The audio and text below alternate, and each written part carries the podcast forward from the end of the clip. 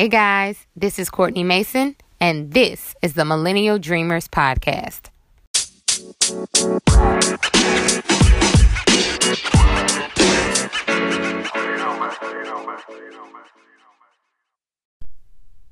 Good morning, beautiful people. I have attempted to record this podcast like three times, and it was a fail every single time. So let's just cross our fingers and hope that I get through it this time.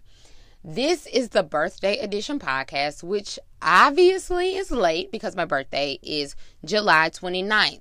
Leos, stand up. You know, the things that they write about Leos is are pretty true. I would think there's some not so great things, and I don't really apply those to my life. I don't know that they relate to me, but in any event, I think the things that they say about Leos in terms of being strong and creative and all those wonderful things apply. So, hmm, if you think differently, so be it. But I celebrated my 32nd birthday, which 32 is a weird age, I think. It's almost like 23 or 41 or 37 or something. It's not one of those milestone ages where you get really excited like 25 or 30 or 50.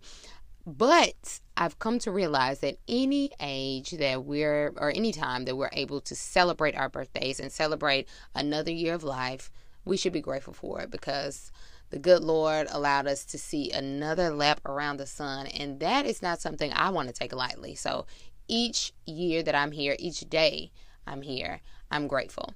So on social media, I did ask if there was anything that anyone wanted to know or have any questions for me that they wanted to have me answer on the podcast, on this birthday edition podcast. And I didn't really get questions, which I started to feel a way about, but I did get one.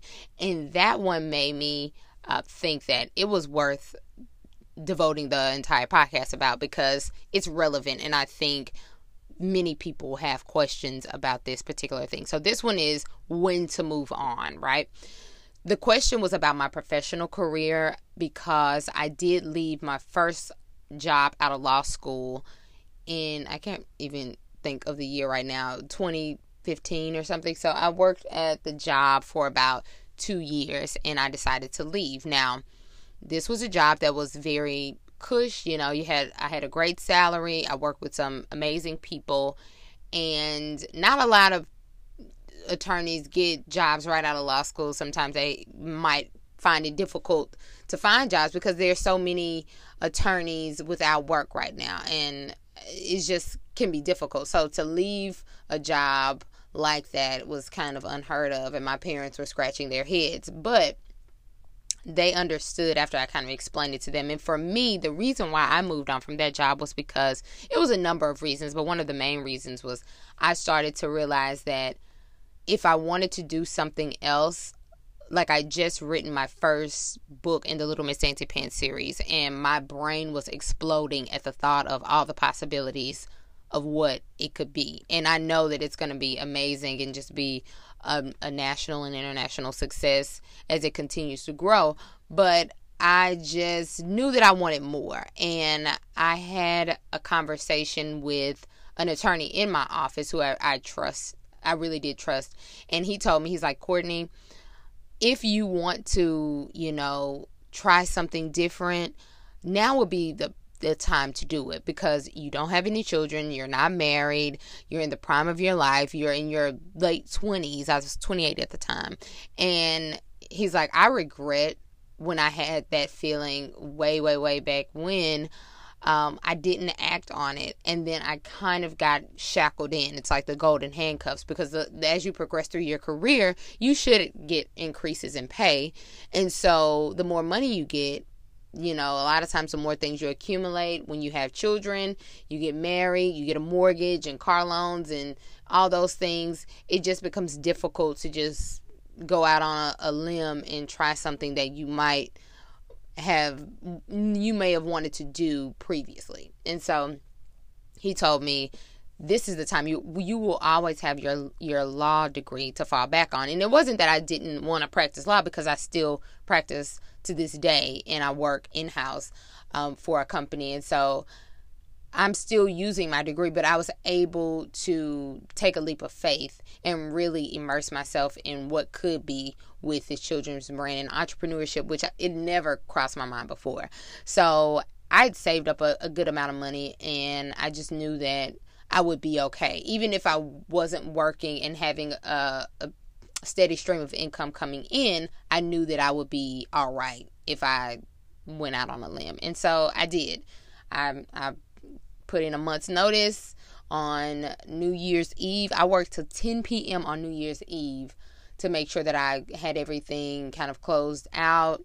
And I brought in the new year unemployed and the happiest I had been in a long time. And so I just knew it was time. I prayed about it, thought about it, and um, I, I, I went for it. So, not just about me, if I'm giving, you know, some advice to anyone who might be listening and thinking what's a good time to move on? Maybe in your professional career or even in a personal situation you're dealing with or a relationship you're dealing with. I have a few thoughts. First professionally there are a few reasons why you might move on in times that you think this might be the right time. Um, one if you have been in a situation that you're not growing. You've reached out to your superiors, you reached out to HR and you said, listen, I want to try different things, I want to try different projects. And you've done that, but you're still hitting a ceiling and it's no room for you to grow. There are no promotions to be had.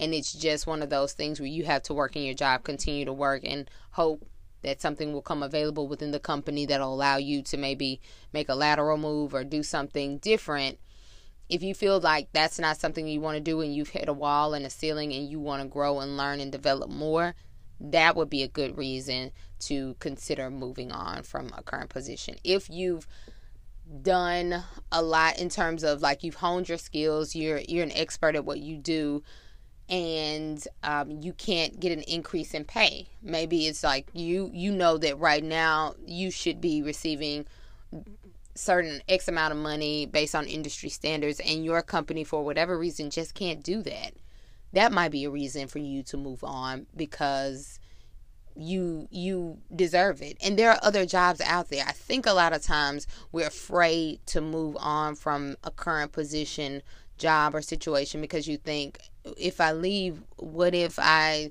go somewhere that's not as great? Or what if i can't get something that's comparable the world is huge. There are millions of companies out there. There's so many opportunities out there, and we can't be so, you know, small minded in terms of our beliefs of what's possible because there are so many possibilities out there. Even when, you know, you might think that it's it's very limited or the economy isn't great or whatever your beliefs might be there you can get a job somewhere and make the, the amount of money that you believe you should be making. So just really do your due diligence and consider all of your options. But that is a reason that you might want to move on if you just can't. Um, you need more money or you think you deserve more money and your company just can't give it to you. But lastly, if you're in a toxic work environment, that would be a reason for you to move on.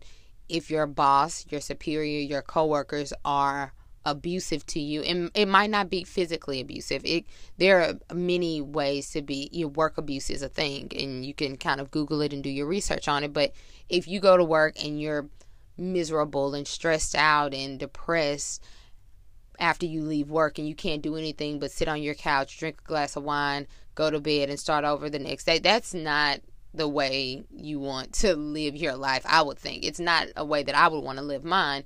And so think about assess kind of whatever your your work situations are. If it's just really wearing down on you and it can affect you mentally and physically like you're losing weight. I know someone or a couple of people that have been in job situations where they were so stressed out that they started to develop ulcers or anxiety attacks and and found themselves in the emergency room. You know if your job is putting you in the hospital mm, you should be considering your options. Even if you don't want to leave the job, maybe you can talk to HR and say, hey, I can't work for this individual anymore, or I like to do this. Maybe it's the type of work that you're doing and it's just not conducive to your lifestyle anymore and it's not that you're wimping out or you're giving up and quitting but your health is paramount i remember someone told me once courtney you have to always put yourself first you're going to do great work you're going to you know be an asset to a company but always think about yourself because if you fall flat today from just you know stress or you know health or whatever they might feel bad for you, but they're gonna have, the the show has to go on. A business has to be run, so you will be you know work yourself to death and be you know not able to do what you need to do, and someone else is just gonna come in and, repl- and replace you. So always put yourself first. Always think of what's best for you because it's your life.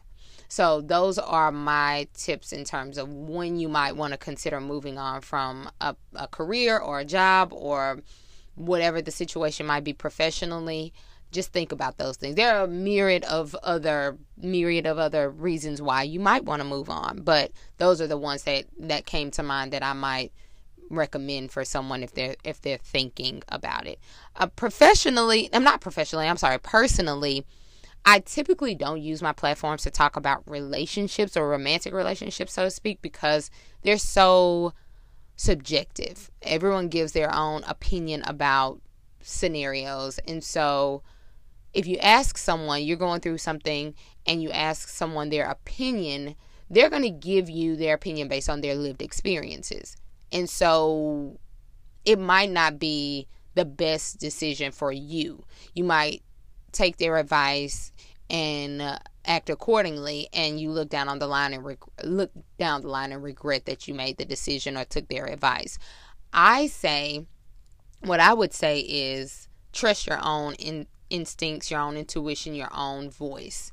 Because a lot of times our gut tells us what's the best thing for us. You don't want to make knee-jerk reactions but you definitely want to trust your own intuition pray about it, ask God to give you some guidance, but then also listen to, you know, the voice within to, to guide you in the direction that you should probably go because there's so many opinions out there and I really think that a relationship when you're when you're in a relationship with someone else it's two people that have to live and and coexist with one another and you just find the best way to do that. Now, if it's something like you're in an abusive situation, I would say move on from that. I'm never going to tell someone like, "Hey, just, you know, stay and fight that out." But you know, because I'm I'm just not an advocate for that. So if it's a situation where your your your well being is being compromised and it's, it's you might want to consider moving on. I will definitely give that. But any other just basic relationship advice, I think is there. So our culture is is um, has so many people that are out there telling you this is what you should do, or you know, relationship experts, so to speak. I'm doing air quotes that you can't see, but they'll tell you you should do this or you should do that, do that, and it's just kind of like what they think, and they might not be living up to that advice themselves. So trust your own instinct, and then also. I'm big on self care and self love. So if you're in a situation and you know, it disrupts your inner peace. You're not growing with that person. I don't know. That's might be a reason to consider whether or not you want to move on from it. I'm I'm very big on being happy with with yourself because if you're if you're not happy with yourself, you can't give the type of love or, or be the type of friend or or daughter or whatever uh, relationship it is you can't be that type of person and give off the best of you when you're not at your best. So take care of yourself. And if you're in a situation, whether it's a, a friendship, a familial relationship, or a, a romantic relationship, and it's just disrupting your own sanity, inner peace, and um, it's keeping you stagnant, then, you know, it might be time to do a self assessment not necessarily move on, but just do a self assessment and, and consider what you're willing to deal with um, and if it's in your best interest. So, those are my tips for when it would be a good time to move on from a professional scenario or a personal one. And I hope it's helpful to someone. This is my uh, wisdom for 32 years. Maybe next year I'll do a, a whole thing about 33 reasons or insights that I've learned over the course of this year, something dramatic like that. But this one, very short and sweet. I hope you all are enjoying your week or will have a fantastic week. You're amazing. Thank you for rocking with me. I am going to do my best to progress for this year and this lap around the sun. And I hope the same for you. So, without anything else, I hope it's a good one for you. In other words, I'm out. Peace.